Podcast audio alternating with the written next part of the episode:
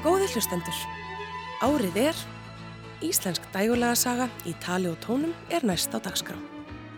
Í þáttunum er eitt ár í íslenskri dægurlega tónlistarsögu tekið fyrir í einu. Ég heiti Sigriður Torlasíus en umsjónamenn eru Gunnlaugur Jónsson og Ásker Eithosson.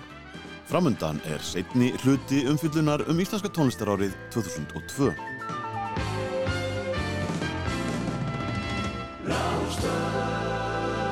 Árið er 2002.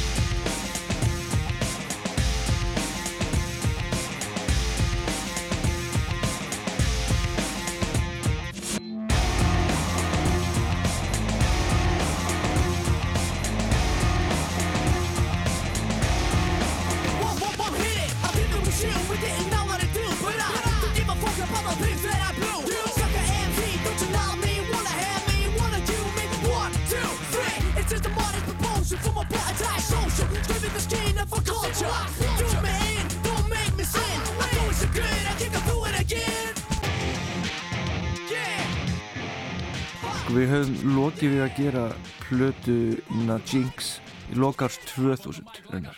Þannig að allt árið 2001 það er bara farið að, býða meðan samningurinn okkar hérna, fór af fyrirtæki sem heitir Time Bomb Recordings sem seldi samningin til Sony Music og Columbia Records. Þannig að hún kom raunar ekki út fyrir henni í mars 2002.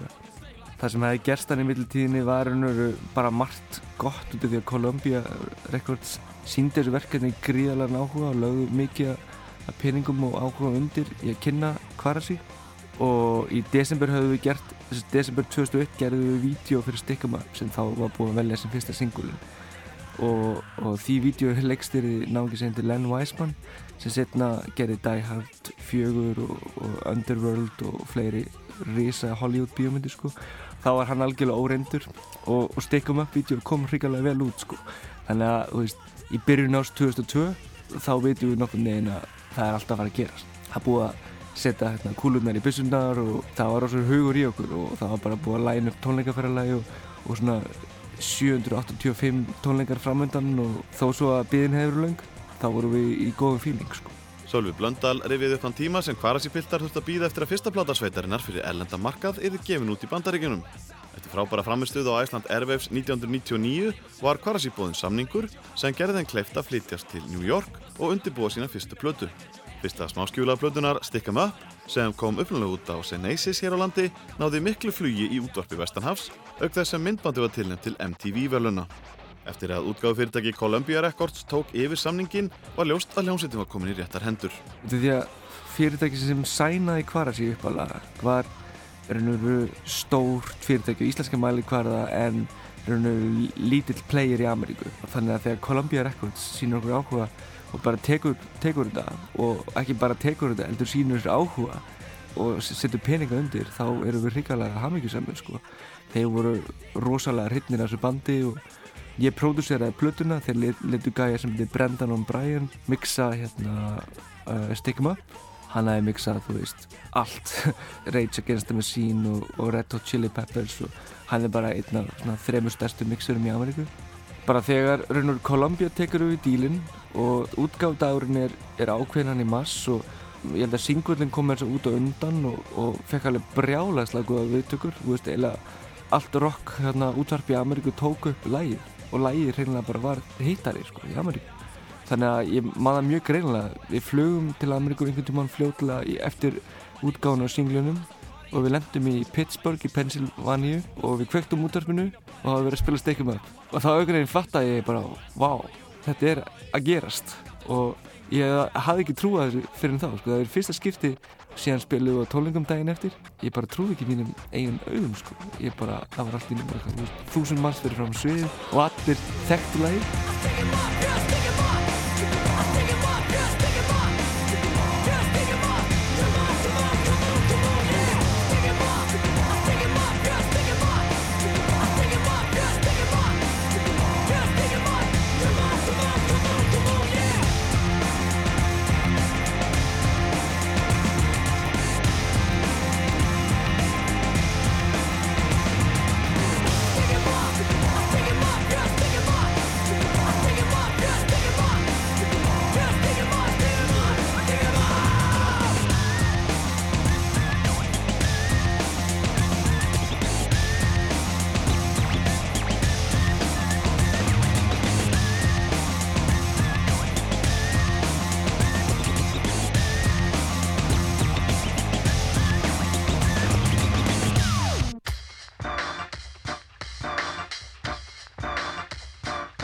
Platan fekk nafni Jinx í höfuðið á öðru eldralagi sem uppalega kom út á plötunni Kvarasi árið 1997 en hafði á nýju plötunni fengið mikla yfirhalningu og kallaðist Mr. Jinx. Pete Giburga, mikill vinnu minn og, og náðungi sem sænaði Kvarasi uppalega hann bara heyrði gamla Kvarasi lagi og segi bara þetta er brjálaðislega flott, flott lag þú verður að gera eitthvað meira við þetta þannig að ég er hann tók hann bara orðinu og, og, og bjóð til svona nýtt lag úr gamla laginu sko. Í dag vita fáir að gamla lagið til en hérna það dyrku þetta bara allir í kringum okkur sem hefur voru svona nýbúin að kynast bandinu þannig að það er bráðast mikið húkur í, í opnunarstefinu sko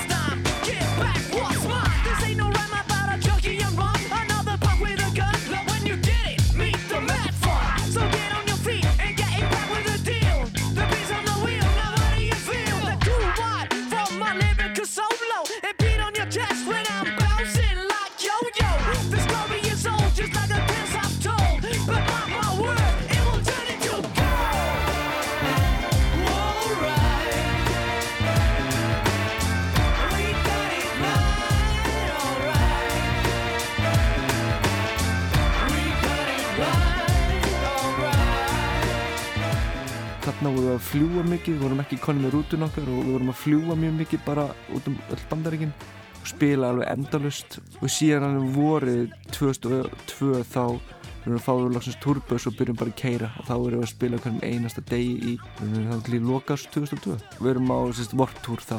Þá erum við alltaf á sama túrnum dag eftir dag eftir dag eftir dag. Það er svona skateboard, punk rock túr sem Kvarasi var að spila á þá. Við bara túruðum með sömu böndunum innur í fjóra mánuði sko. og við fengum svona lojal fans sem eru ennþá í dag tala um Kvarasi og svona við vorum svo rosalega skríti band við hlýðina þeir sem vorum að spila með og svona við vorum ekki bara með einhverja þryggja hljóma punk tónleika þannig að það gekk mjög vel og, veist, og, og við túruðum raun og veru alveg stanslust fram á haustið. Það hefði gengið gríðarlega vel hjá Kvarasi í bandaríkjunum fyrstu mánuðina og framöndan var tónleikaferðalag í Japan og Evrópu um haustið. Malone Lives var eitt af nýju lögunum á plötunni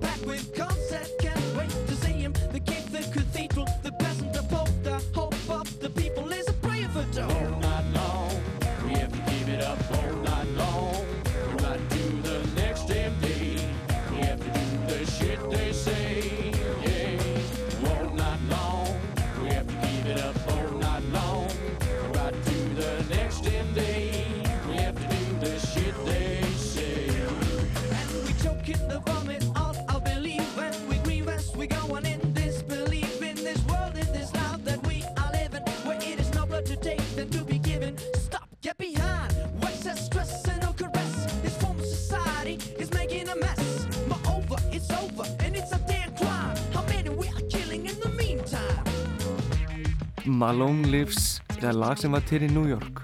Og bara mér, langaði að gera eitthvað með svona vibrafón stefi sem gekk í getnum allt. Og við vorum að, veist, ég og Hössi vorum að hlusta svolítið mikið náttúrulega og líka á West Coast. Það er svona vinsalað, Dr. Dre og, og Nate Dogg og, og fleir og fleir og þannig við vorum að leika að koma þessar rattir og, veist, og Hössi var að syngja mikið niðri. Þetta er svolítið við köllum alltaf, alltaf, alltaf stelpulæg þannig að það var svolítið þannig í því umhverju sem þetta var til og okkur kom það svolítið óvart hvað var vinsalt hérna í Íslandi. Þetta var svolítið svona ókvarasílegt þetta er mjúkt lag svolítið, poppa og til, í águst fyrir við til Japan og það náttúrulega verður ótrúlega ævintýri þar sko út af því að þú veist platan seldist ótrúlega vel þar og við ekki selt eitthvað um tefnilega 150.000 stykki í Ameríku hann að márið og, og um Japan seljum við 50-100.000 stykki sko og hérna spilum á nokkrum tónleikum þar og, og um hausti fyrir til Evrópu og, og það er svona verður fljóðlega ljósta í Evrópu er þetta ekki alveg að gera jafnvel sko. Og okkur gekk ekki alveg jafnvel þar. Fólk var, við vorum ekki að spila jafn skemmtilegum tónleikum og, og platan seldist ekki alveg jafn vel í, í Evrópu og hefði selst í Bandaríkunum og Japan. Og síðan komum við heimann að senda árinu 2002 og þá eru við alveg gjörsanlega úrvinda sko. Þetta viðburðaríka ár hafði tekið sinn toll af Kvarasi og það endaði með því að Höskuldur hætti í hljómsveitinni sem var í kjölfarið í lausu lofti. Já, Hössi segir hennu skilið við bandi í lokast 2002 þá er það bara, við erum bara búin á því sko. tónleikaferðin er eiginlega bara gerð út af okkur sko þetta, bara, þetta hafði verið svo mikið við vorum ekki alveg undir þetta búnir heldur sko bara þessi lífstíl og tónleikar dag eftir dag og svona þetta var ekkert svona allt glamurus þetta var bara rosalega mikil endutetning og alltaf sama dag eftir dag eftir dag og svoleiðis. Þannig að við vorum ekki alveg kannski bara andlega undir þetta búnir sko. Árið er 2002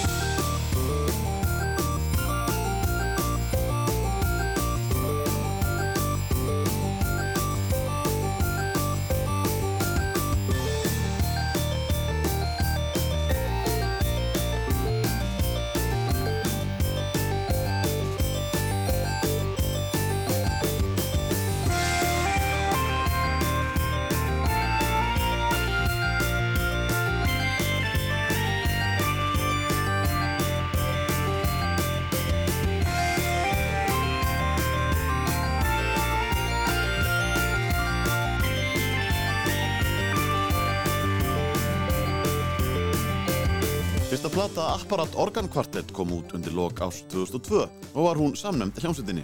Hugmyndin að hljómsveit sem veri engöngu skipuð orgelleikurum kviknaði hjá listasamtökunum Tilrauna eldhúsinu þremur árum áður. Þar fór fremstur í flokki Jóhann Jóhannsson og hann hafði samband við Úlf Eldjárn og bar undir hann þessa óeinilegu hugmynd. Úlfur sagði Frey Ejólfsvinni söguna í Rokklandi á Rás 2.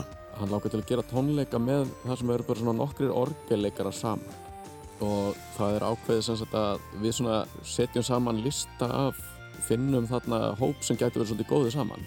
Og það er sem sagt ég og Jói og Hörður Bragason orgelleikari sem var þá sko með þessi kirkjuorgelleikari. orgelleikari Júpiters og Oxmá og fleiri góðum bandum alvöru orgelleikari alvöru orgelleikari og svo hérna einn hérna skrítið náingi sem ég þekkti ekki neitt fyrir Sigvardur Ómar Kristinsson en var búinn að vera að gefa út alveg stórkoslega tónlist undir nafninu Músíkvatur og var einmitt með svona stóran kavæ skemmtara. Og við buðum þeim tveimur sem sagt að vera með Orgel tónleikar Tilrauna eldhúsins voru haldnir í Tjarnabíói 9. september 1999. og þetta áttu bara að vera eini tónleikar mjög tilraunakendir en þegar við förum að hittast og svona æfa okkur aðeins saman þá náttúrulega kemur í ljósa það er bara einhverja ótrúlega kemistrija í þessum hóp og við vorum náttúrulega líka allir ótrúlega svo þreyttir á því að vera einhverju svona hljómbósleikarar í einhverjum rock hljómsveitum það sem að hljómbósleikarinn fær nú einhvern veginn minnstu aðtiklina kannski þóttust vera komnir þarna bara með aldrei gott dæmi sem við vildum halda áfram með og ákvaða með eiginlega bara strax að þetta yrði hljómsveit Stereo. Stereo. Stereo. Rock and roll, give me rock and roll in stereo.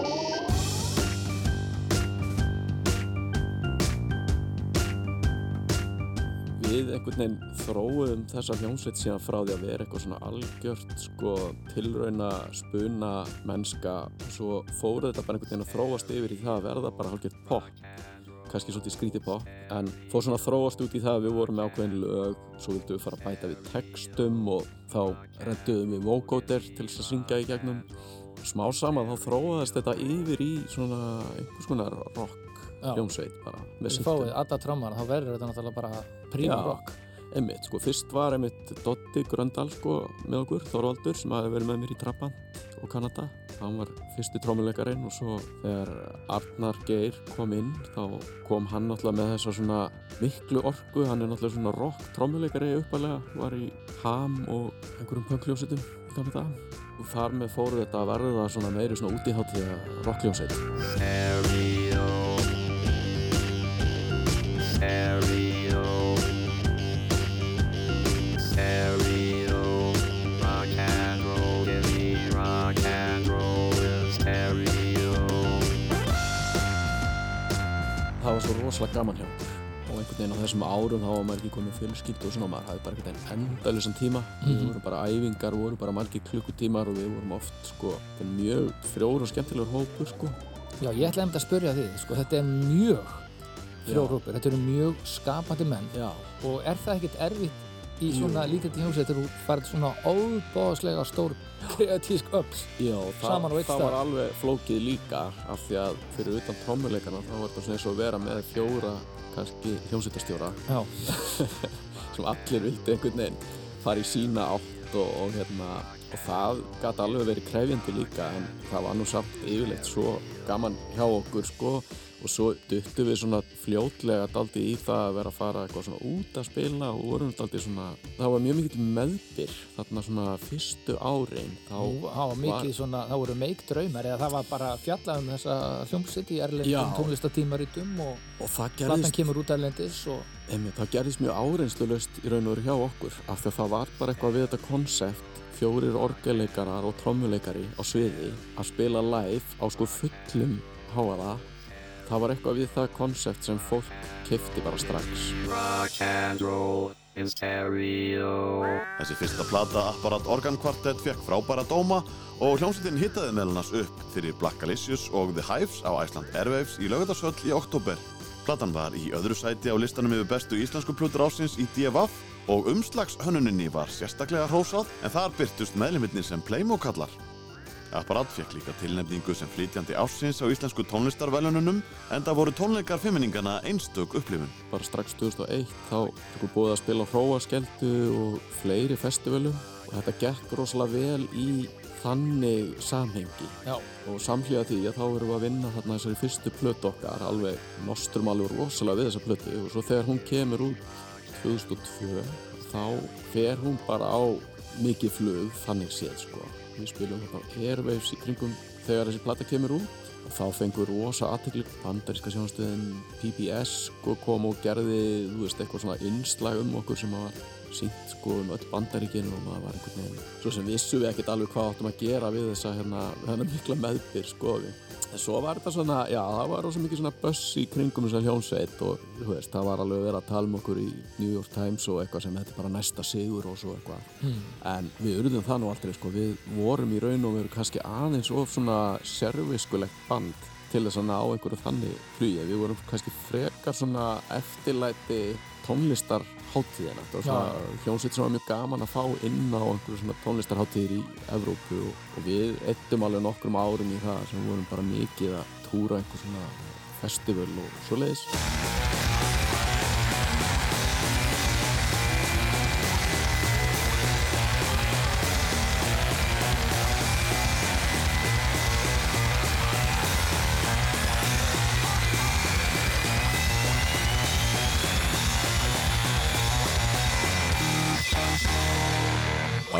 er 2002.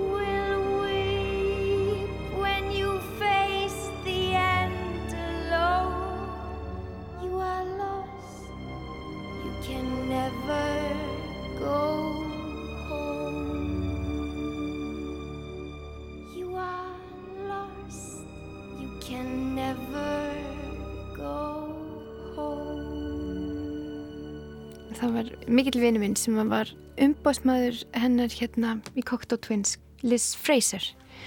Og hún var að syngja á eiginlega flestu myndunum held ég allavega fyrstu myndinni rosalega mikið. Og hann lætur tónlistar pródusentinn fá plötuna mína og segir hann að hlusta á mig. Og hann ringir í mig og ég fyrir að hitta hann. Ég er rosalega spennt að því að ég er búin að lesa ábyggilega tók ég hann svona fimm sinnum þegar ég var úlingur alla bækurnar og ég átti ykkur kort og, og hinar. Og þannig að þegar ég hitta hann þá segir hann mér eiginlega bara strax þetta er svona afvirst að, ég er ábyggilega ekki að fá þetta að hérna ég ætti nú að, að prófa að syngja demóið og að því að ég væri nú ekki fræg þá myndi ég ekki fá þetta það væri nú eiginlega alveg víst. Og ég hefði, já ok.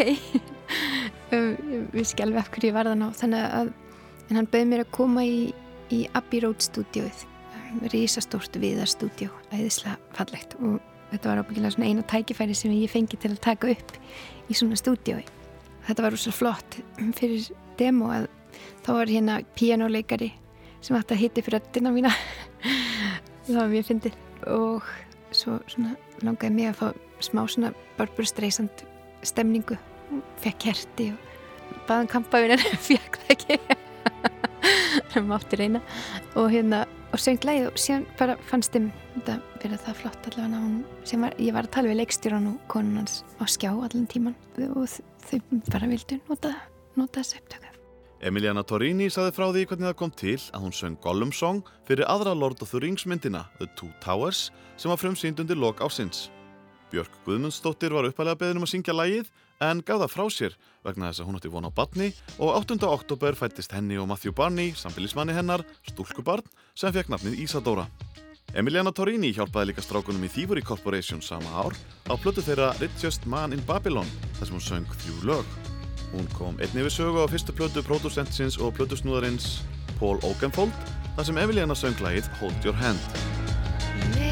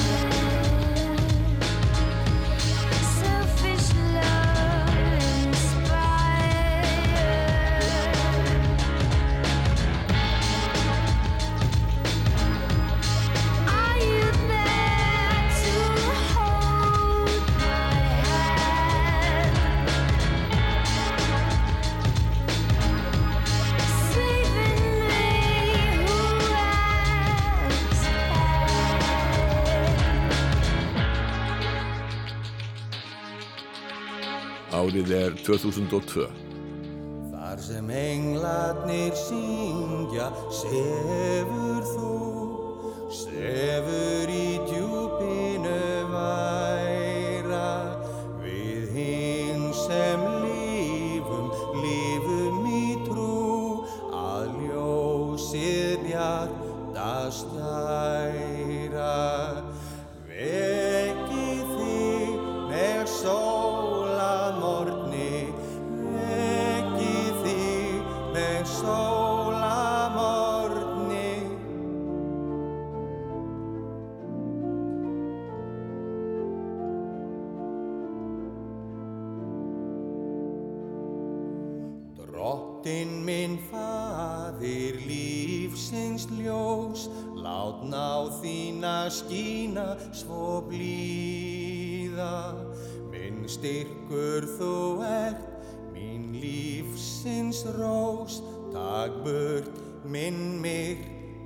kvíða. Þú vekur hann með sólamorni, þú vekur hann með sólamorni.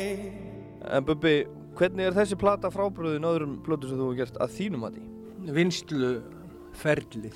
Eh, Við unnum þetta sko, með það að leiðaljósa að reyna að gera plötu á mjög svipaðan máta og plötur voru gerðar svona upp úr 1968 til 1970-71 og ég held að það hefði nú tekist. Svo er þarna kannski plötur og þessari plötur sem að eru auðvitað ólíkur öllu öðru sem að ég hef gert og það sem kannski stingur í stúm við það er það fyrst og fremst vegna þess að þetta er sálmur, formið er sálmur. Kveikjan í lagi var mjög sorglegur og og ótímabær dauði ungs drengs Suðunisjum sem að tengist mér og minni fjölskyldu og var efnilegasti korfuboltamaður sennilega sem við Íslendingar höfum egnast og þegar að það var hringt í mig og mér var sagt að hann hefði fundist látin að slýstförum þá samdi ég þetta lag um kvöldið. Og síðan söng ég það í jarðaförun hans. Og síðan hef ég sungið þetta lag í mörgum jarðaförum og síðan ákvaði ég að, að fullt vinna þetta lag og, og taka það upp með hérna kammerkór Langostkirkju undir stjórn Jóns Stefánssonar. Bubbi Mortens sagði Ólafi Páli Gunnarsinni frá sálmunum Kveðju sem hann tilengaði örlígi Aroni Sturlusinni frá Njarvík sem fjall frá í byrjun árs 2000. Bubbi hóf upptökur eftir Vestlunamannahelgina 2002 í stúdíó Sýrlandi og var platanunnin á aðeins 74 tímum með hljómsettinni Stríði og Friði.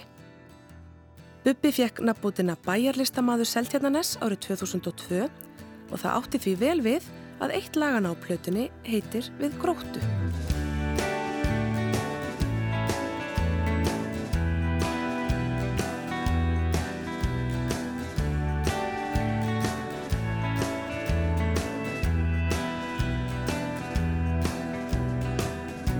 Í rauðbláu húmi Sólinn sest nýður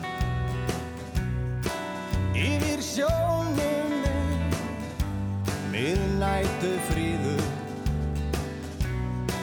Þar er vitin sem Vakir alla nætur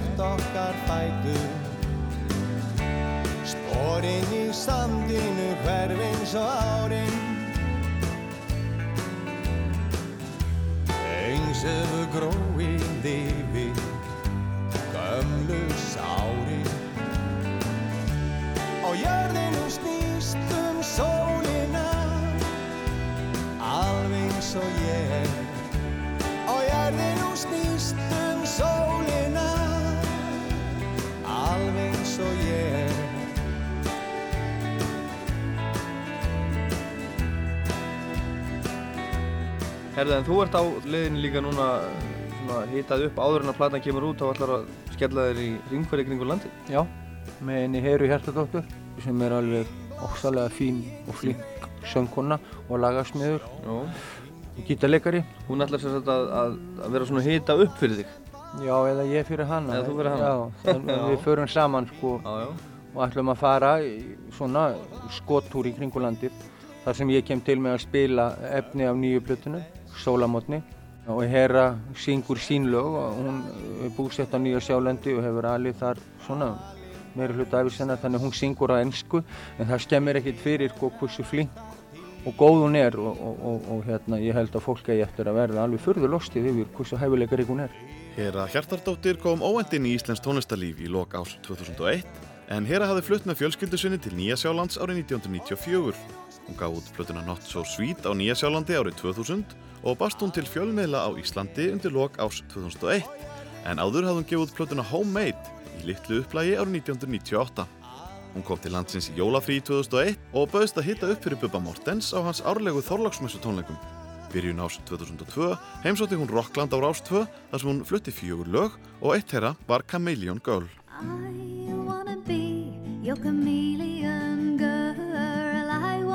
I the unseeable things, and I wanna be invisible sometimes, and I wanna be calm when you're angry. When you're feeling blue, I wanna be yellow. When you're seeing stars, I wanna see the same. When you wanna kiss, I'll gladly give it to you. And I wanna be food when you're hungry.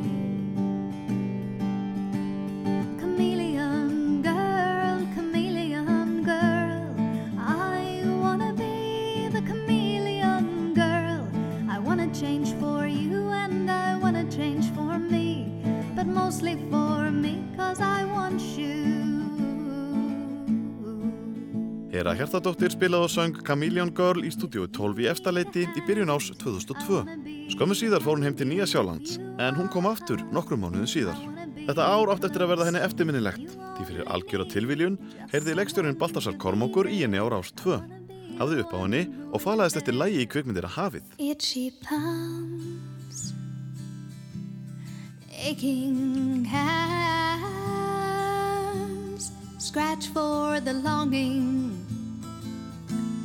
longing to leave here tonight. I met him here, found myself hiding inside. He's just like the mirror of me, but I have to get away.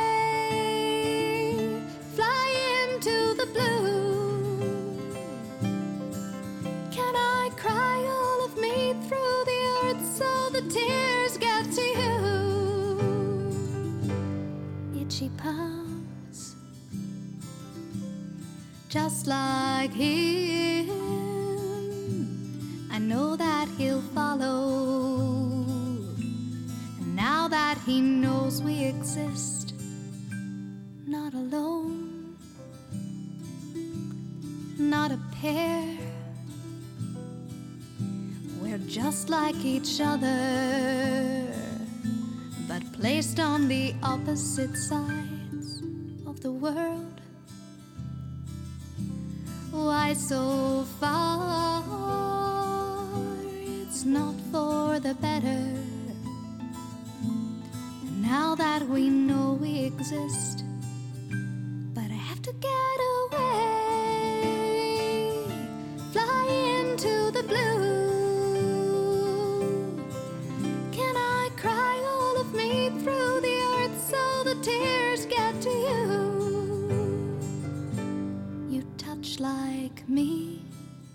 Ég gerði viðtal, uh, símaviðtal einmitt til Nýjansjónans frá Íslandi. Fyrst eftir að platan kom út og það vildi svo til að Baltasar Kormungur var að keira í bakari, held ég, og heyrði lagið og hafði samband. Ég held að hann hafi fyrst að hafa samband einhvern veginn í gegnum fjölskylduna og fengið flötuna og vildi nota uh, lagið Itchy Palms í, í myndina Hafið. Hera kom aftur til landsins um haustið og fór með Bubba Mortens í tónleikaferðum landið. Hún kom svo við í stúdíu í Sýrlandi og tók upp nokkur lög með hljómsveit Bubba, Stríði og Friði.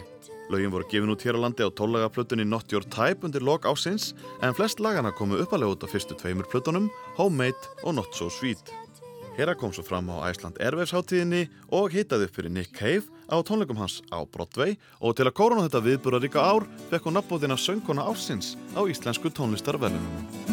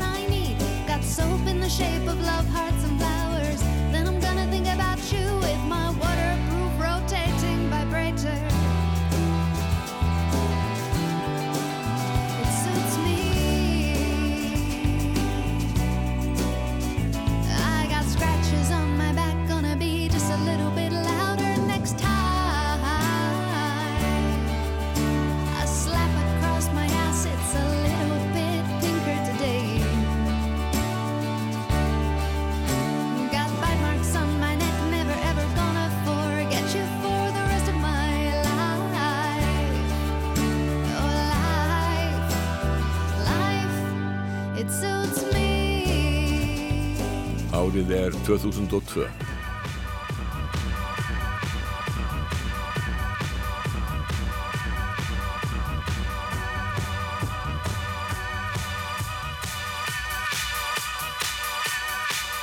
Við erum stödd í Laugardalshöllinni laugardalskvöldið 19. oktober 2002 þegar ervefsháttiðin náði hápunkti sínum og á bakveg við hljóma tónar frá blötusnúðunum heimsfæraga Fatboy Slim.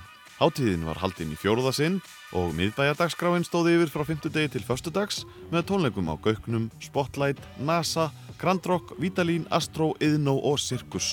Þar sem allar helstu íslensku hljómsveitirnar voru samankomnar og nokkrar erlendar, þar á meðal bandarísku hljómsveitirnar Rapture og Remi Zero.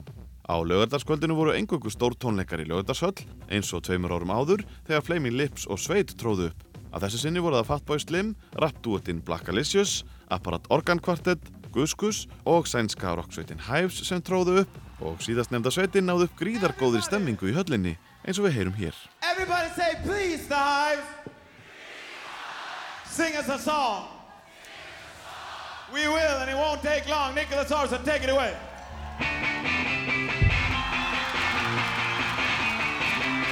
Árið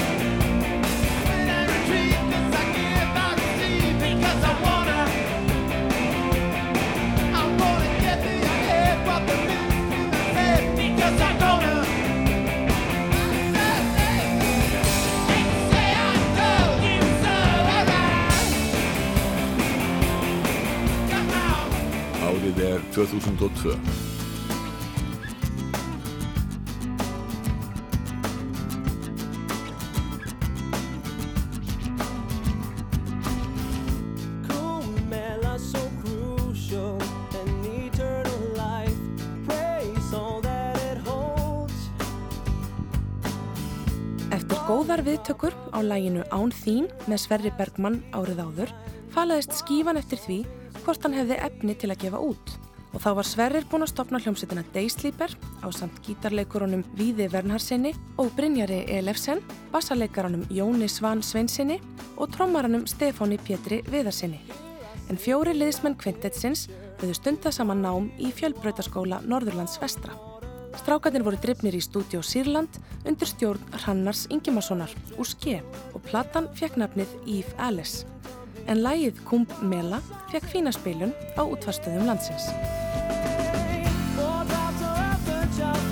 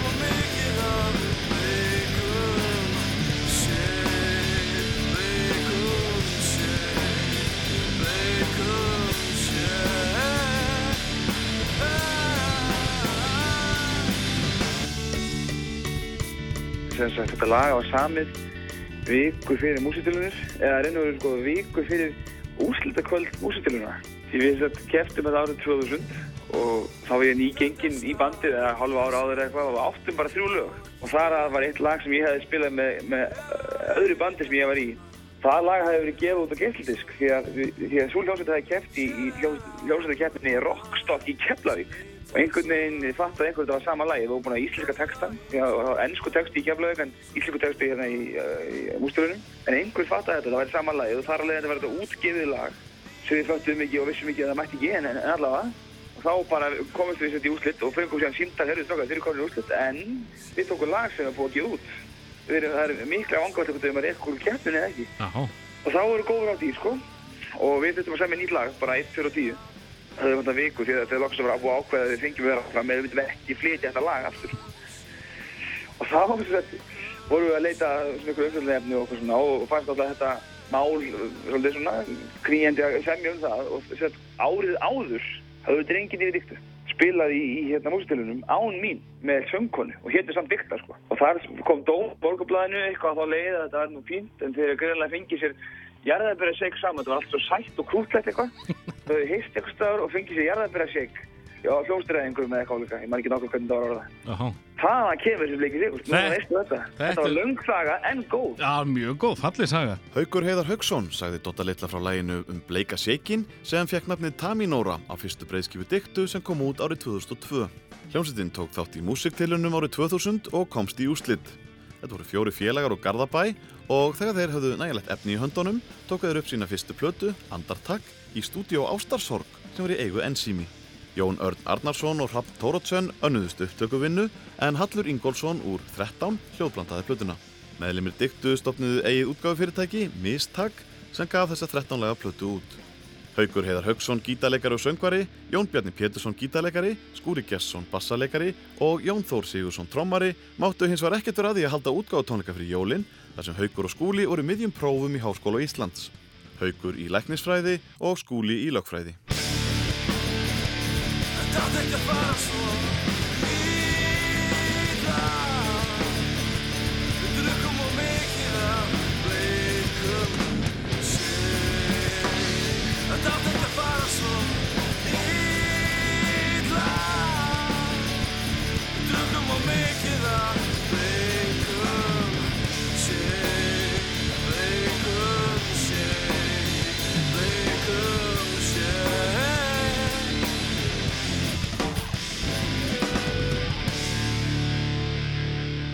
Árið er 2002.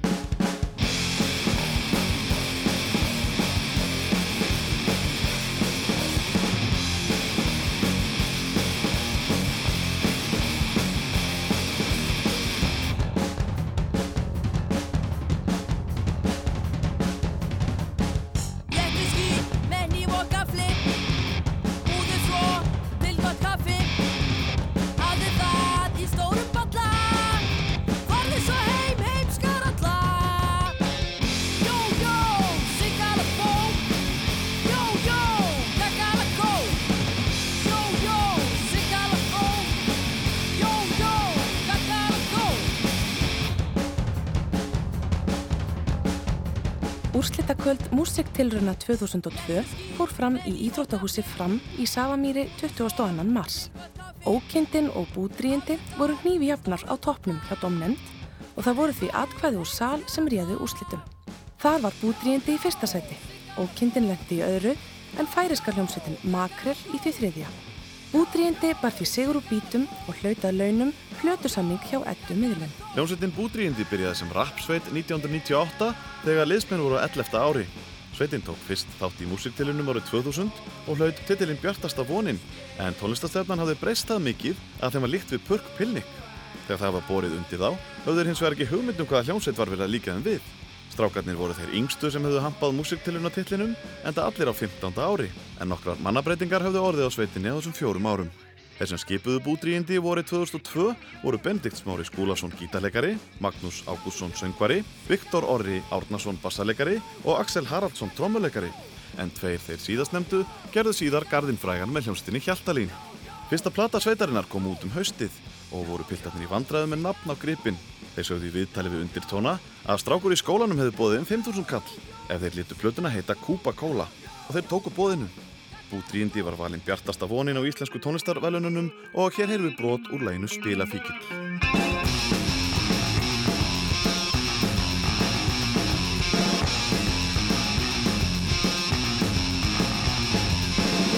Sjópu og fyrir spilakassan sem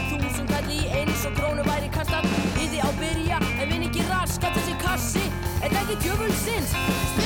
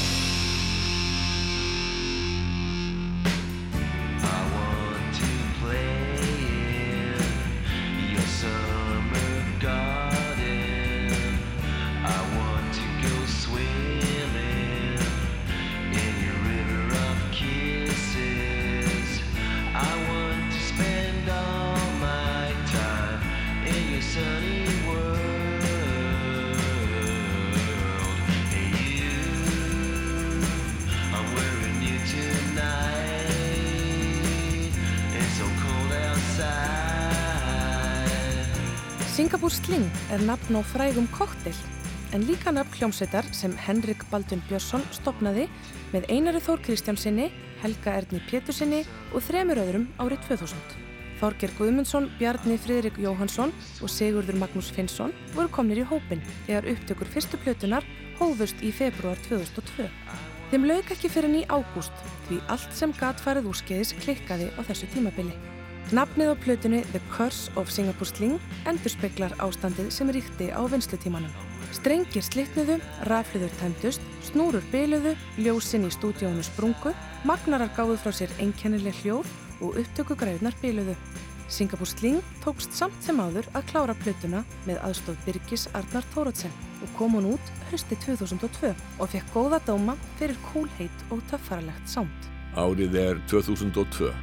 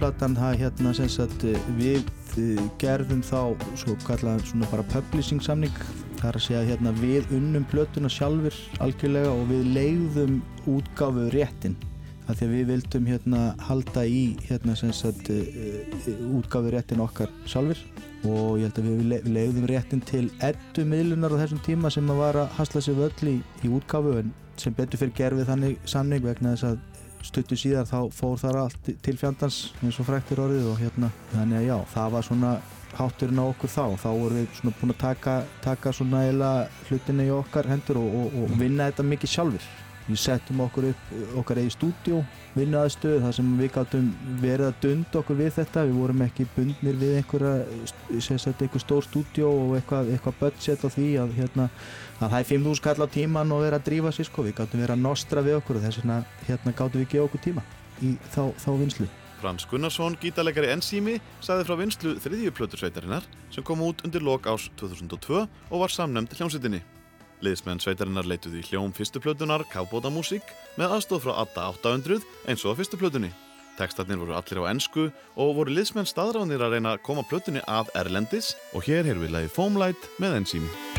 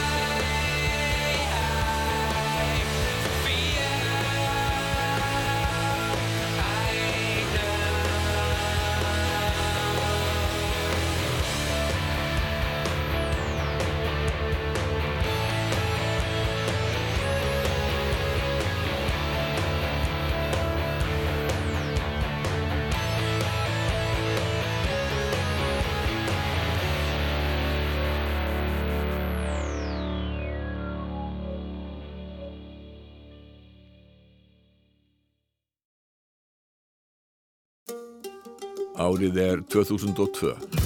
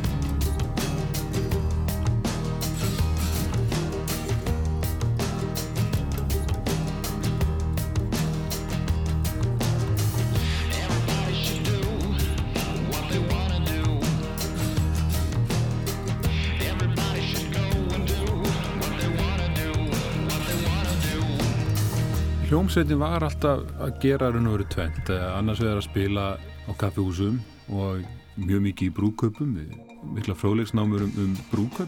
Og snittur. Og snittubrauð og, og svo leiðis og, og framfleytum okkur á háskólarunum að að spila stundum þrjú brúköp á dag sko. Og ja, á hótelbörum og í móttökum og svona og þar voruð við með okkar prógram sem var harmonika og gítar og kontrabassi og stundum fiðla og stundum trommur ef ég heldum ball. En svo vorum við alltaf eitthvað að barndúsa í leikhús líka. Þar vorum við að gera rauninni alltaf meira og meira aðra hluti. Gera alls konar tilraunir og það var mikil tímamóti í hljónstinni þegar kom sampler til dæmis í spili. Þannig að úr þessu urðu nokkra leikhúsblötur með skárun ekkert. Mér alveg tilraun að kenn tónlist á köflum og síðan snerum við eiginlega vörn í sók. Þannig að upp úr aldamótum að fóru bara að nota allt það sem við höfum samið fyrir leikhús sem grunn að fyrstu blötun okkar sem var Life, Death, Happiness and Stuff sem kom úr 2002, eða ekki? Já. Guðmundur Stengrimsson og Frank Hall sögðu frá því hvernig hljómsveitin Skárin Ekkert þróaðist í pophljómsveitina Ske. Auk Guðmundur og Franks skipuðu Hrannar Ingimarsson og Eiríkur Þorleifsson hljómsveitina og fyrsta breyðskifa Ske kom út um haustið og fekk nafnið Life, Death, Happiness and Stuff. Þeir fengu ímsa söngvara til liðs við sig, Daniel August, Jón Odd Guðmundsson, frönsku söngkonuna Julie Cadeau og japansku söngkonuna Yuri Hashimoto en þáttaka hennar átti eftir að vekja mikla aðtikli. これ以上やだ。捨てる。愛されてる。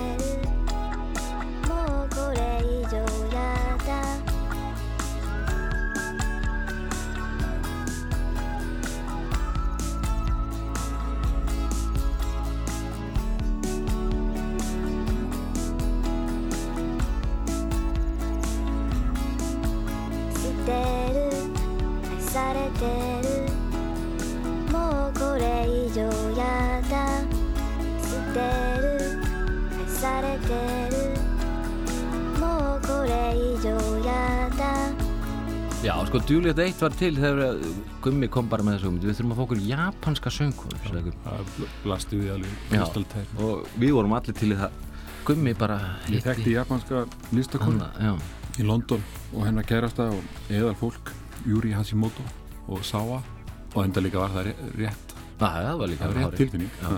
Og þá fóru ég og Eirikur Eiki, bassalegari, bara til London og höfðum partí og vorum með mínidisk hérna upptökutæki og hún bara söng inn alls konar og þessi lína sem var í Julietta 1 var bara eiginlega já, bæði lögin, Julietta 1 og 2 er í grunninn úr Drauma Jónsmessunót sem við settum upp með í þjóðlíkursunum eða sem. Baltasar settum í þjóðlíkursunum og þetta var bara partí í London og Julie söng þetta inn bara sínu nefi og svo bara gerðum við tónlist við það og eða sem sagt gerðum útfæsluna við það mm.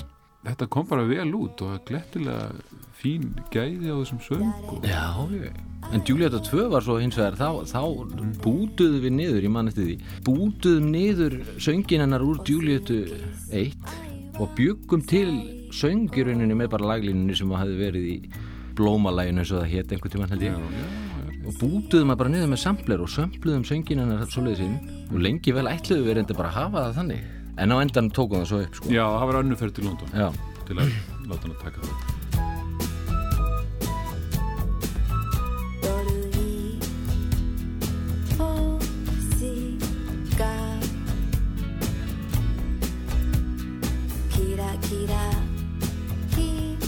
星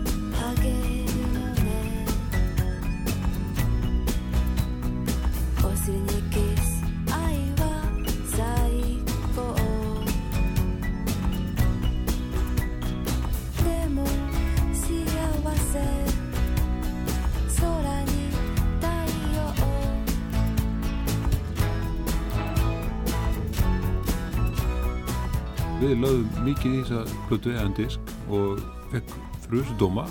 Svona pælingin á líka á þetta átt að vera hittarinn Julieta 2 held ég. Já, kannski Julieta 1, ég veit það ekki. Já, það var eiginlega margir, marg, mörglu á plötunum sem átt að vera hittar. Við vissum það kannski ekki alveg. En það var ja. mjög grípandi laglína og, og síðan líka skiptum nokkuð máli að lagi fór í landsbankaauðlýsingu og allir fengur þetta á heila.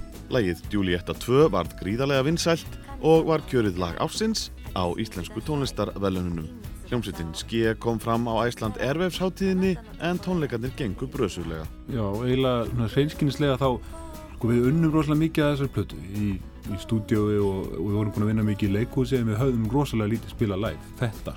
Við höfum verið liveband allt öðruvísi, kontrabassa, gítar og, og, hérna, og mikku og bara haldið upp í miklu fjöri þannig. Þannig að við vorum svolítið lítið búinir að hugsa, búin að hugsa hvernig við ætlum að koma þess að framfæri á, á sviði sko. Það gekk kannski svona ekki alveg eins vel og við vonumst til fyrst. Já, fyrsta erfiðs var bara ekki gott sko þegar við, við spilum þessi lög fyrst og þá kom Julie Hashimoto og Sáa til Íslands og hún hafði náttúrulega enga reynslega að syngja á sviði og, og við vorum að reyna við ykkur gráfram að reyna að koma öllu þessu til skila á sviði og vorum við fleiri söngvar að fata þannig að við vorum með söngvar á öllum áttum bara þannig að þetta svona var ansið skrautlegt fyrsta gig sko. skrautlegt gig, það er alveg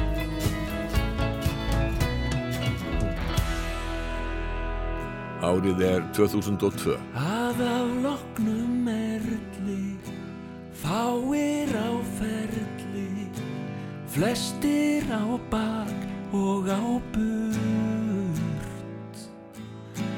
Ljósinn í bænum, svífa á sænum, sunnan átt alltaf því þurrt.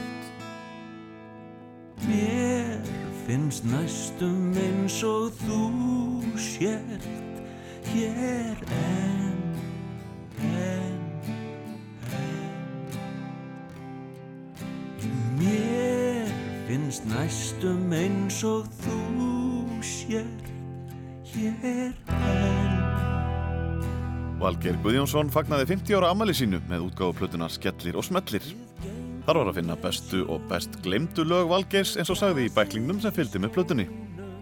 Plötuna vann hann með Jóni Ólafsinni sem útsetti lögin og klætti í nýjan búning í saminu við Valgeir og þar var einnig að finna fjögur nýlög, eitt þeirra heitir Ástin vex á trjánum. Þetta var lítil hugmynd sem lættist til mín. Ég var að undibúa plötu til að fagna því að verða 50 og fekk þessa setningu Ástin vex á trjánum senda einhver staðar úr óræðri vitt og lagið fylgd á eftir. Þarna syngur með mér Regina Ósk og Jón Vinnuminn Ólafsson aðstofaði með við gerð þessar blötu. Eins og allur almenningur veit vex ástinn á trjánum Engin vandan á henni bara maður stendur á tánum. Sumir bukt og beigja sig, aðrir rey og sveigja sig og einstakka finnst best að byggja kona á trjánum. Ástinn vex á trjánum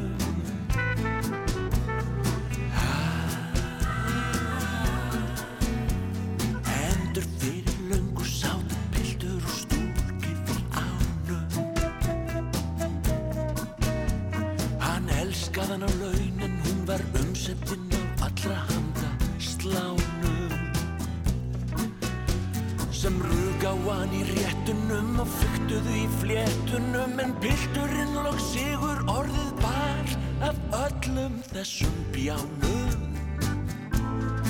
Ástinn vex á trjánum.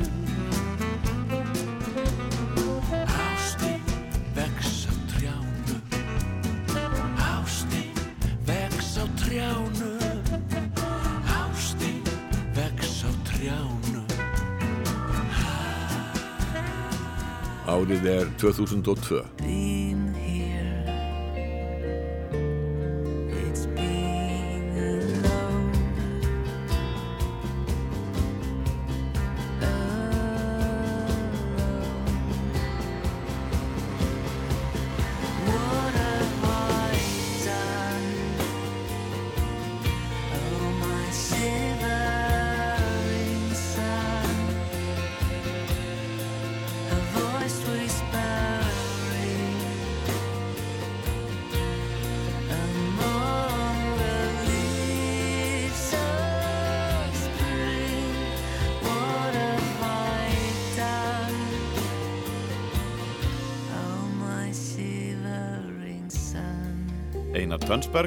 Tönsberg, fyrir um liðsmaður Sigarett og Tennessee Trans, hafði verið í námi í London við School of Audio Engineering og lokaverkefni fórst í því að vinna demo á nokkrum lögum með tveimur skólafélögum frá Ítalíu og Englandi og tríóðu kallaði sér Lorien. Þremenningarnir ákváða að senda lögin í allar áttir og eitt þeirra endaði hjá enska plötu útgefandanum og umbósmanninum Steve O. Pierce sem var reyndur í bransanum og hafði meðal annars unnið með Deepest Mode, Soft Cell og The The. Steve-O ákvaða að taka tríóð upp á sína arma og bandið skrifaði samning við nýtt útgáðu fyrirtæki Sony Music, Instant Karma. Mikið var lagt í upptökurnar og var reyndur upptökustjóri, Mike Hedges, fenginn til að vinna með þeim að plötunni. Fyrsta smáskífulagið, Shivering Sun, kom út haustið 2001 og vakti aðtegli bresku músikpressunar en þegar platan Under the Waves kom út vorið 2002 voru viðbröðin ekki eins góð og væntingarnar. Samstarf þreiminningana fjaraði út og Einar fór að einbyrta sér að soloverkefni sínu og kom fram undir listamannsnafninu Eberg árið eftir. En við heyrum hér lag Lorien Human Beings sem tónlistatímariti Q valdi á sapdiskin Rise and Shine The Best New Music of 2002.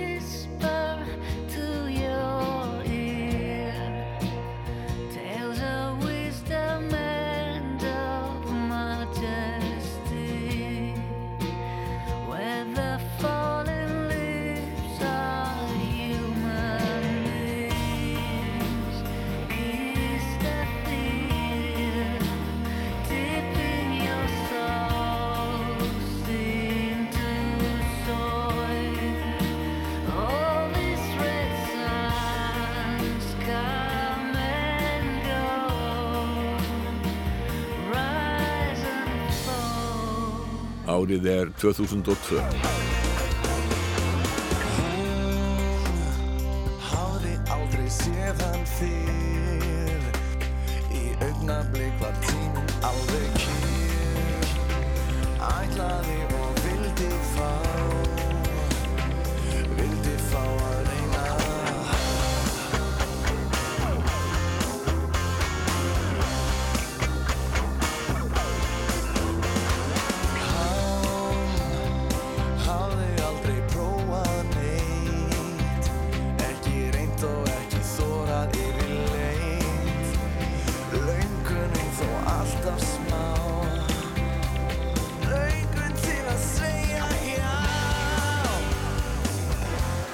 Þarna vorum við líklega búinir að senda frá okkur þrjá fjóra singla.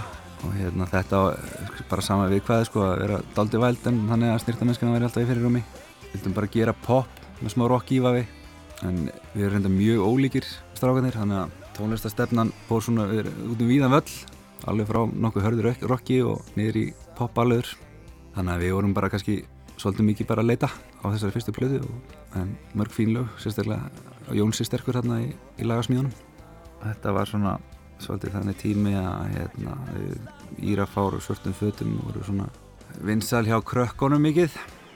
Og að við höfum verið svona með fyrstu popljómsutunum á Íslandi svona sem að bæði krakkarnir og, og fóröldrarnir voru að fíla saman á þess að hafa nokkuð kannad það vísindarlega og það var alveg gríðaleg bylgja þarna í gangi þarna rétt upp úr aldamótunum 2000 Birgitta Jónsi voru alveg svakalega stjörnur og þetta var mjög skemmtilegt að vera í kringum þetta og partur af þessu þannig séð Einar Örn Jónsson, hljómbásleikari í svörtum fötum, sagði frá annari plötunni sem var samnefnd hljómsveitinni og kom út undir lok ást 2002 en þeir hefðu átt sterka innkomu árið áður með sumarsmellinum Nakin.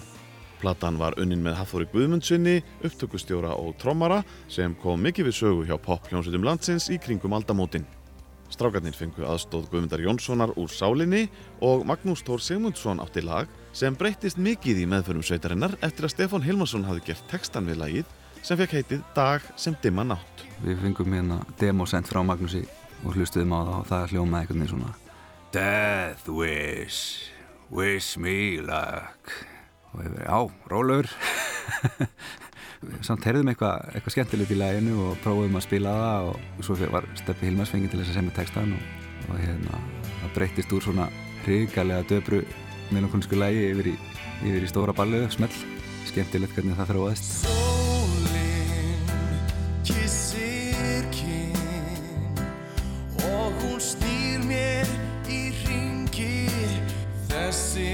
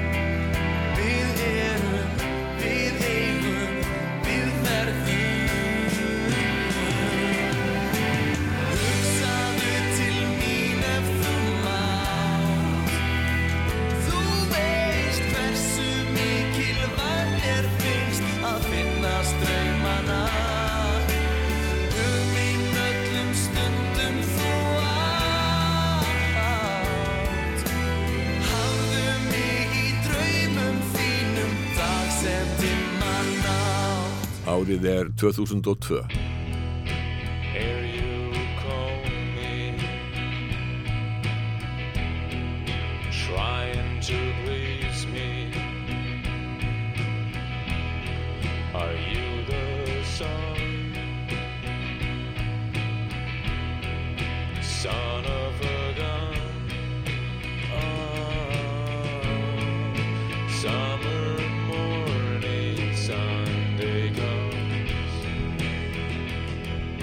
Hljómsveitin Hudson Vane gaf út fyrstu plötu sína Slightly Out of Hank vorið 2002. Tónlistinn var eins konar nýbylgju country og innihelt platan fimm lög.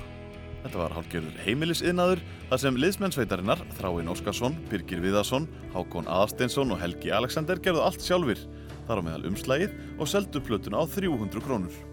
Næsta plata, I'm a Fox, var í svipuðum vanda og kom út 10. desember sama ár. Það var sexlaga plata og unnin á svipaðan hátt nema hvað umslægi var prentað í prentsmiðju.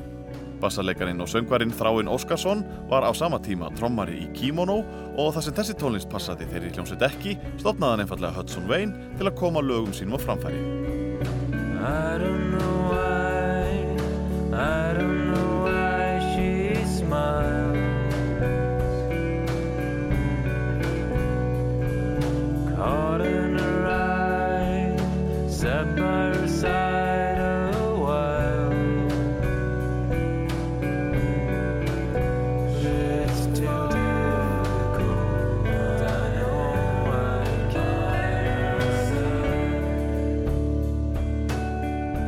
Árið er 2002.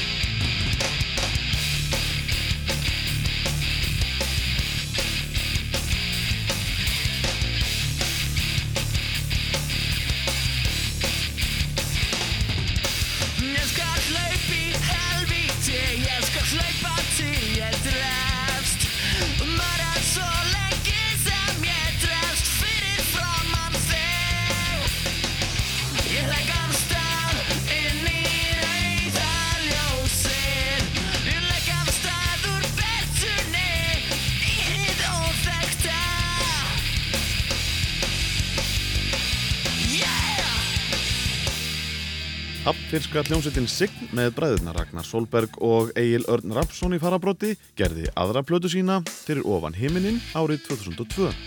Fadir þeirra, Raffn Jónsson Trommari, stjórnaði upptökum á samt Ragnari og fóru upptökunar fram í hljóðurinu Rappi Rót á heimili þeirra við Norðurbröðina í Hafnarfyrði.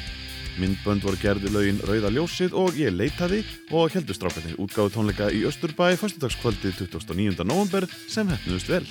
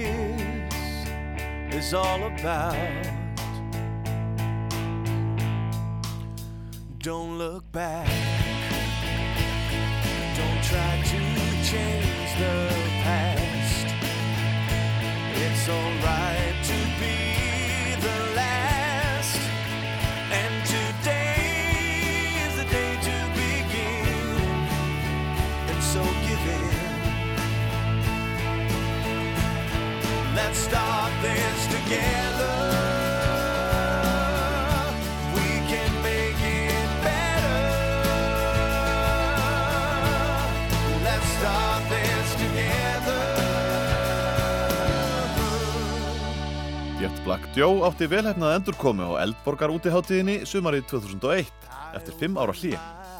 Liðsmenn sveitarinnar ákvaða að fylgja eftir góðum viðtökum og halda í tveggja mánuða tónleikaferðalag sumarið 2002. Páll Rósinkrans söngvari og Gunnar Bjarni Ragnarsson gítarleikari voru einir eftir af upprannlegum meðlumum en með þeim voru bræðurnir Kristín og Guðlaugur Júniusinnir ásamt Þóralli Bergmann, allir úr hljómsveitinni Vínil. Undir lok ás kom út samt bestu laga Jet Black Joe og þar var að finna tvö ný lög og við heyrðum brot úr lænu Won't Go Back eftir Gunnar Bjarnar. Páll Rósinkrans sendi frá sér þriðju sólaplötuna á jafnmörgum árum en tvær fyrstu höfðu báða selst í vel yfir 10.000 eintökum. Platan fekk nafnið Nobody Knows og sem fyrir voru öll lögin þekktir erlendir slagarar. Hér heyrðu við Palla að syngja lag úr smiðju bandaríska tónlistamannsins Paul Simon sem kom uppalega út árið 1975.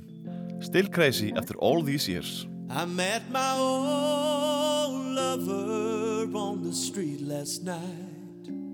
She seemed so glad to see me, I just smiled. And we talked about some old times and we drank ourselves some beers. Still crazy after all these years. Oh, still crazy after all these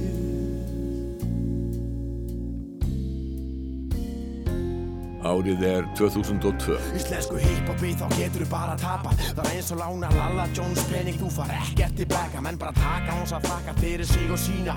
En ég það sem er ber eins og Palestína. Svo gegn mér átt þú ekki sjens eins og tævækja Kína Tilgóðslöld eins og spila með teningum og tyrkneska peninga. Það er ekki mann svo ekki benda Það er ekki mér að kenna. Að tippa á mér sér lengur en fyrir stuðmanna. Að að nokka sem frægar reyna að það mig guðana Að fórða vilja banna undana Ríki saksóknar að langa loka mig inni Kærastan þinni finnst þið tilvalinn í skyndi kynni. Hafi náðu sálinni á svo tap okkar einn Fokka þá mig fór sopa, keftu degið, áfengið að degið Og getur ekki eins og við selja á tóra því grefið kaupa greið Ég þekktur á Íslandi svo tilenga með hrókan í bitni jörundi Að fokki róttulega hundi, bannandi blöndu og Jónis að mundi. Drekkur og svín, en ég er ekki algjörð fyrir ekki að fundi? Þú sem ég kerkaði sundi, en þeir vísaði hvenna klefa Leggast okkur husnum séðist nefa, blóði mánaðlega Svo berði virku fyrir þeim fyrstu, spyr hvort ég sé bólu diskur Það voru margt gott á þú skuldar en hún var ekki alveg góða fyrirbátan kannski út af því við vorum drifum okkur svolítið mikið af hendin út Orðnar aðeins svona þroskara Já, hann, sko nokkur af okkar bestu lögum eru á henni, sko.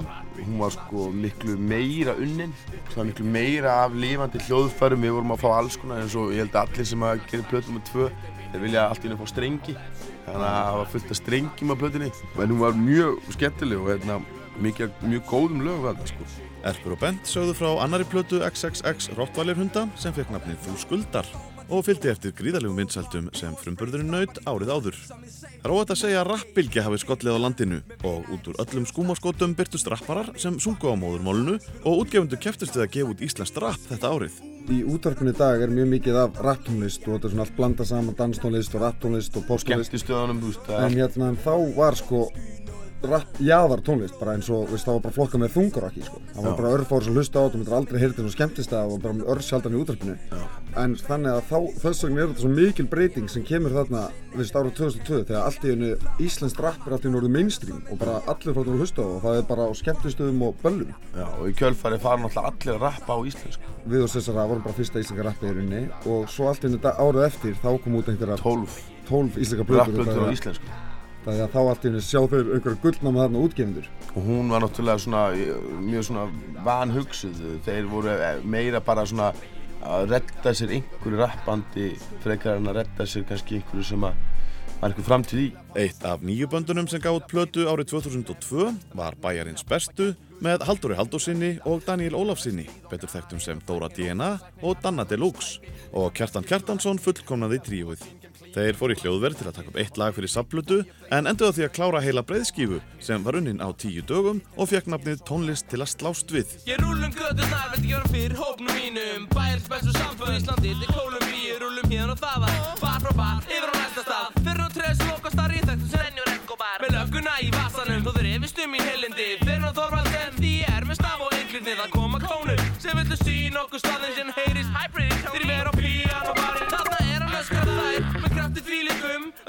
Það ríkinu, því að bóð okkar spila vítinu En fokk það ég play for þess að fekk panínu föð Því ég er amat og krimin fókins atvinnu þöð Það verða rauði líka spessanir Dauðir eftir snerta mig, Dóri DNA Auðvitað vilja þeir ekki messast við Hvort það eru flöskur eða gaurar við þeim stútum og viltu bíl Þá verðum við chillandi í klubnum Ertu gæla? Ég held að það hafi verið bara svona smá gullgrafar æði í gangi. Ég held að það sé líka óa mannlegt einhvern veginn að þegar einhvern gengur vel þá ætla allir að kopja það. Allar þessar hljómsluti sem voru að gefa út um 2002 voru rosalega ólíkar innbyrðis svona út frá bara rappinu. Þegar maður horfir á það svona bara svona sem rapp áhuga maður, það voru svona, þú gast alveg séð ákveðna stíla í gangi og, og allir svona, ég held að sinn stíl myndi selja jafnvel ennþá betur sko. Það var bara eins og ég sagði einhvern með einhverju texta, það var offrambáður uppurum sko. Því að menn voru bara samkeppnið sjálfan sér líka, það voru oft sömu útgáður en að gefa út mikið af rapplötum en menn voru bara kannski að sjá hvað markaðurinn réð við og, og bara dæli svolítið út sko. Kjartan Kjartansson úr Bæjarnis bestu sagði sitt álit á íslensku rappbylgjunni. Rottvælir hundurinn Ágúst Bent tók þátt í öðru verkefni með Erni Trönsberg og duettinn kallaði sér Bent og Sjöberg. Þetta miðlun gaf út breyðskífu þeirra félaga góða ferð undir merkjum Hit Records en útgáðafyrirtæki Rottvælir hunda, Skífan, var langt frá því að vera sátt við útgáðu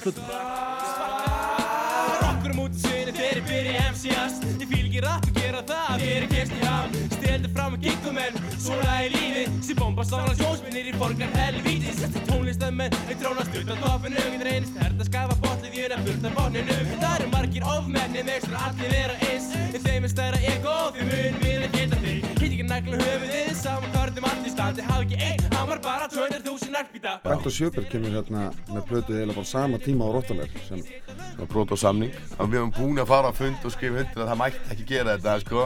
En svo bara kemur þetta út og Já, hérna Bent og Sjöberg gefur plötu á Eddu og bara viku setna gefur Rottaler plötu hérna á skífinni Já, sem var alveg fárlegt sko. Það er alltaf skífinni ekki að hætta að gefa þetta Rottaler plötu?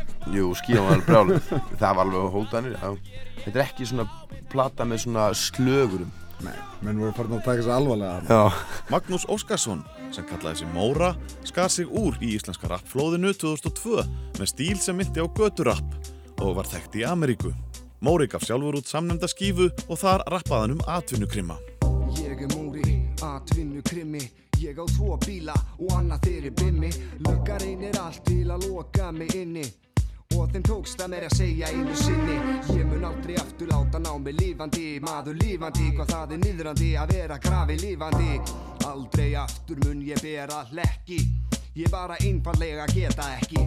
Það mun seint falla í gleymsku að ég satt inni út af annara heimsku Alls ekki treysta hverjum sem er. Þeir stinga hnífum í bakið á þér.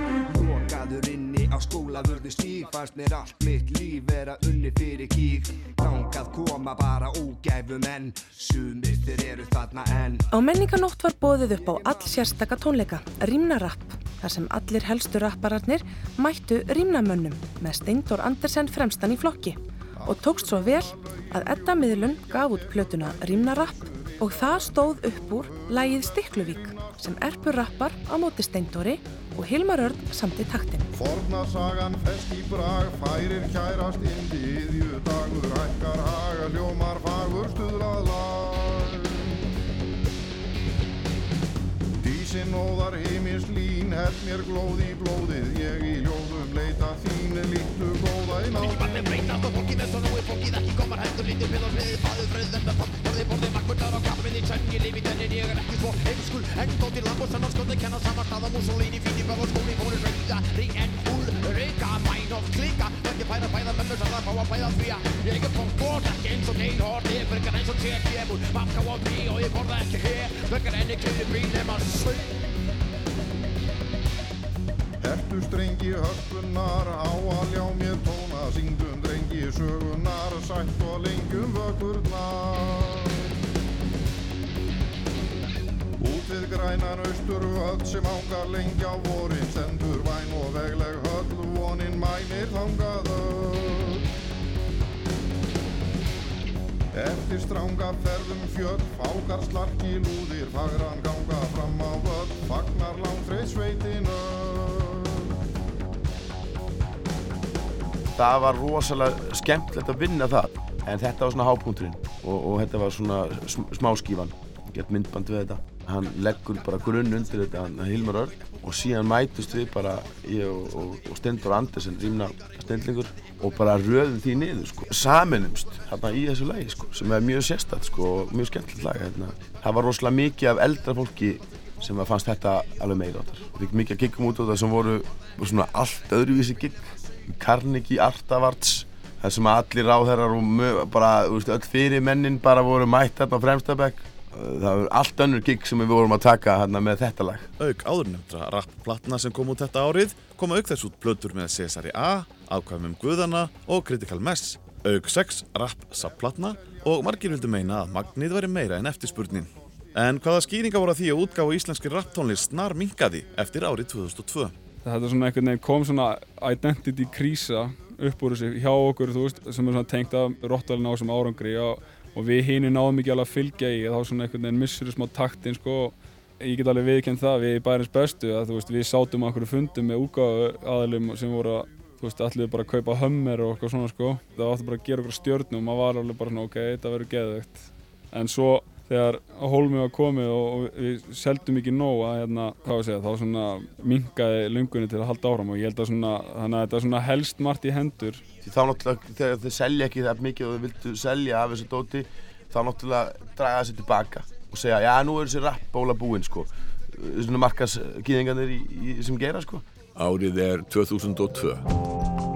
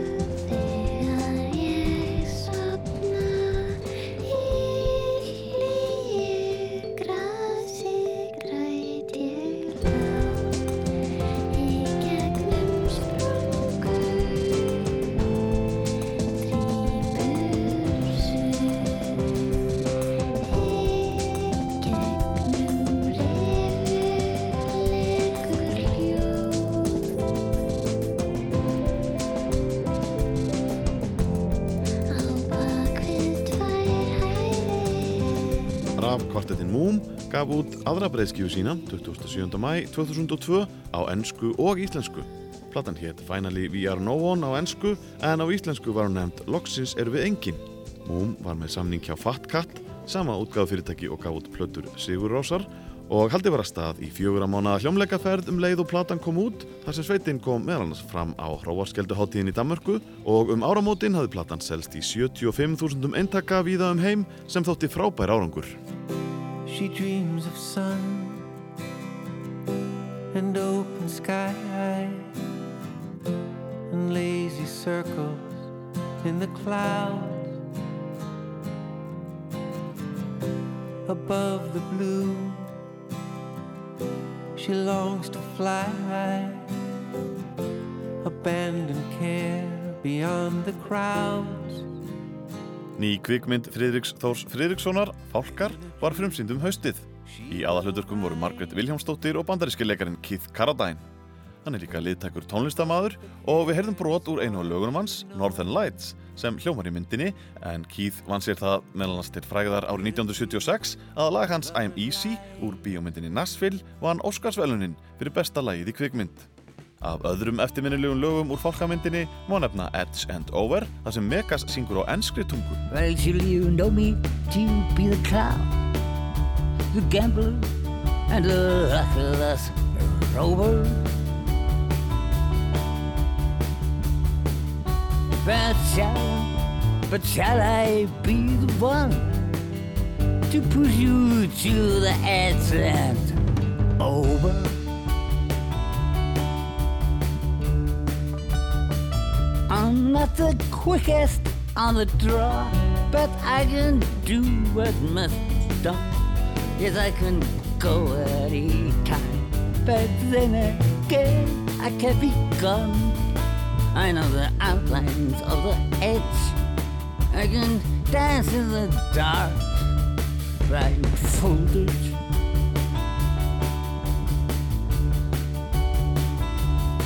So if you don't want to risk the fire, you be wise just to grab my eyes and hold it. Framhald bíómyndarinnar vinsælu Stella í Orlofi var fremsýnt á öðrum degi jóla undir nafninu Stella í frambóði. Gunni Halldórsdóttir leikstýrði og voru Stella, Salomon og Anton öll á sínum stað en myndin náði ekki sama flugi aðsókn og svo fyrri. Þá frumsýndi Mikael Torfarsson sína fyrstu kveikmynd Gemsar í byrjun februar þar sem Dr. Gunni valdi tónlistina og samti auk þess ný lög. Eitt þeirra, Fokking Frelsi, söng Stefán Hilmarsson.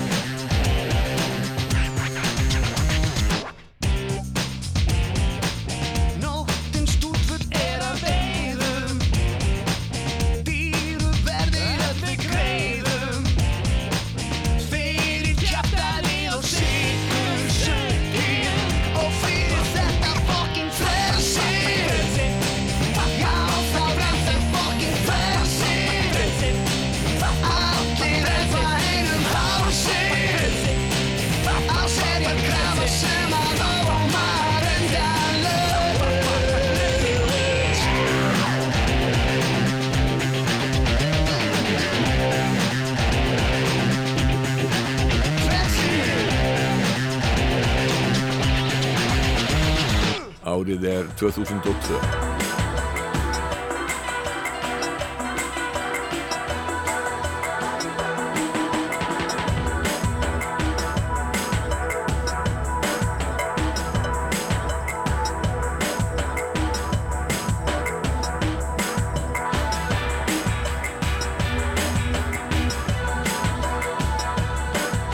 Heimildamyndin í skóm Drekans var tekið til síninga í Sambíónum og fjallaðunum þáttöku Hrannar Sveinsdóttur í ungfrúísland.is árið 2000.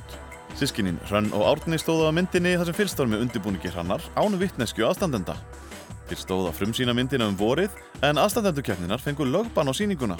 Sátt náðist þó með aðilum skömmu síðar og var myndin frumsýnd um haustið. Það var vel við hæfi að lag Gunnar Þórðar tilbriði við þegurð var áberandi í ýmsum útsetningum í myndinni.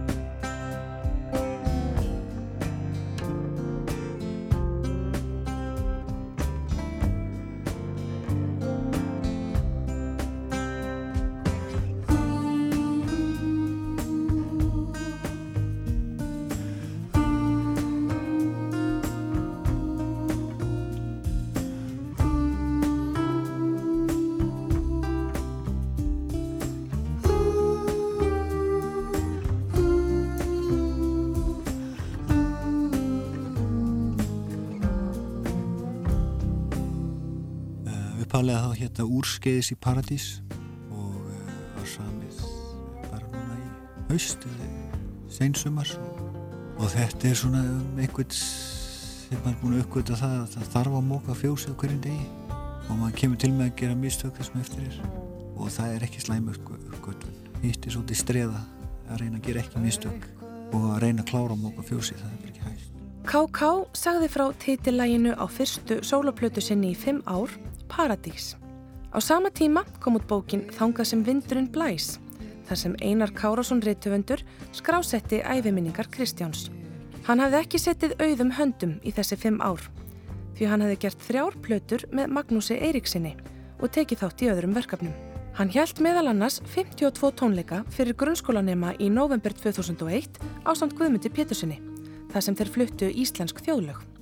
Seks af tólf lögum Paradísarplötunar voru nánast tilbúin fyrir jólinn 2001 þegar Kristján kefti útgáfuréttin á gömlu plötunum sínum og gaf í kjölfarið út sapplötuna Galfjæðrir. Hinn lögin 6 voru tekinu upp árið 2002. Yfirbræð plötunar var frekar á rólegum og alvarlegum nótum eins og lægið Englar heimins gretu í dag ber vitni um. Aðkoman var ríkaleg Englar himins flyktust að. Englar himins grét í dag. Allt var brotið hljótt og kyrt Veröldin sem viti fyrrt Englar himins grét í dag. Sorgin bjó sig heiman að Í dag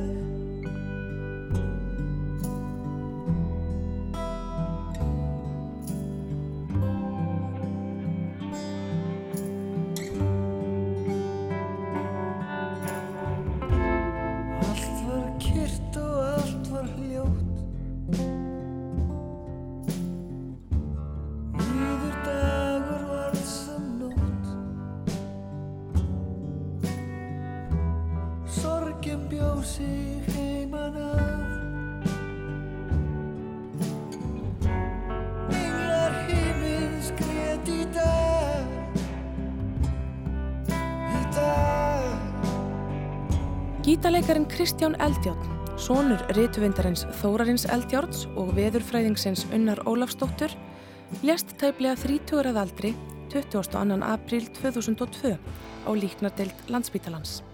Hann var fjölhæfur gítaleikari sem spilaði jöfnum höndum á klassískan gítar og rafgítar og stundaði nám í tónlistarskóla FIH og tónlistarháskólanum í Turku í Finnlandi. Kristján var gítarkennari og hjælt fjölda innlegstónleika samti tónlist, spilaði í leikhúsum, lekan á hljómplötur, spilaði með fjölmörgum hljómsveitum og gerði nokkra útvastætti um tónlist.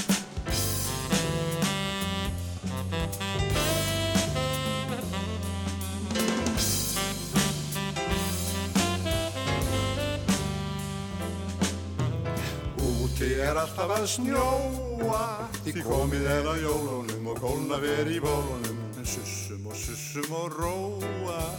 Ekki gráta elskan mín þó þig vandi vítamin. Ávexti eigum við nóa Handa litlu krökkunum sem kúra sig í brökkunum. Þú færð í magan þinn mjóa Melónur og vínber fín. Tónskáldið og útvarsmaðurinn Jón Múli Árnason lést 1. apríl 2002 en hann fættist í Múla í Vopnafyrði 1921. Jón Múli starfaði hjá útvarpinu frá 1945 til 1985, lengst af sem útvarpstölur en var einna þekktastur fyrir jazzþætti sína. Hann samti nokkra eftirminnilega söngdansa eins og hann kallaði lögin sín en Jónas bróðir hans samti textana. Flest lögin urði til í tengslum við gamanleikina Delirium Búbónis, Allra meina bót og Járnhausin. Hljómsettin Írafár naut gríðarlegra vinselda árið 2002. Platan Allt sem ég sé seldist í 15.000 endökum á útgáfa árinu en endaði í 19.000. Bubi Mortens náði sér aftur á stryk og átti næst mest seldu plötu ársins, Sól að modni, sem fór í tæplega 11.000 endökum sem var umtalsart meira en síðustu plötur hans þar á undan. og Svegaplata Sigurósar seldist í rúmlega 10.000 eintökum. Önnur plata Rottweiler hundana Þú skuldar náði gullplötu sölu um jólin eins og Jinx með Kvarasi og sömu sögur að segja plötunni stuðmenn á stóra sviðinu. Og þá er árið 2002 senn á enda. Ég heiti Sigriður Tólasíus, umsjónumenn þáttarins eru Ásker Eithórsson og Gunnlaugur Jónsson og Jónatan Garðarsson aðstóðaði við handritskerð. Í næsta þætti skoðum við íslenska tónlistara árið 2003 en við endum á Santiago. They say she's not well, spending her days s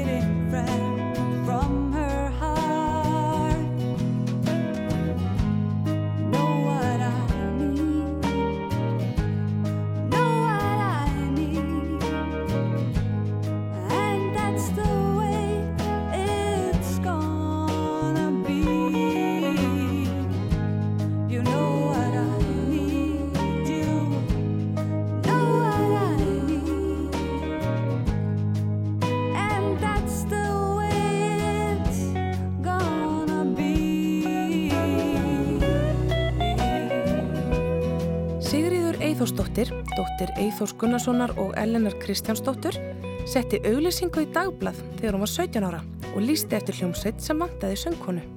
Hún gekk til liðs við bassalegaran Jökul Jörgensen og hljómsveit sem hann var í. En smám saman fækkaði í hópnum og þau fengu nýtt fólk til liðs við sig. Á fyrstu plötu hljómsveitarinnar Santiago, sem bar nafnið Girl og kom út árið 2002, voru trommarinn Oddur Sigurbjörnsson og gítarleikararnir Ragnar Emilsson og Birgir Ólafsson mættir til starfa.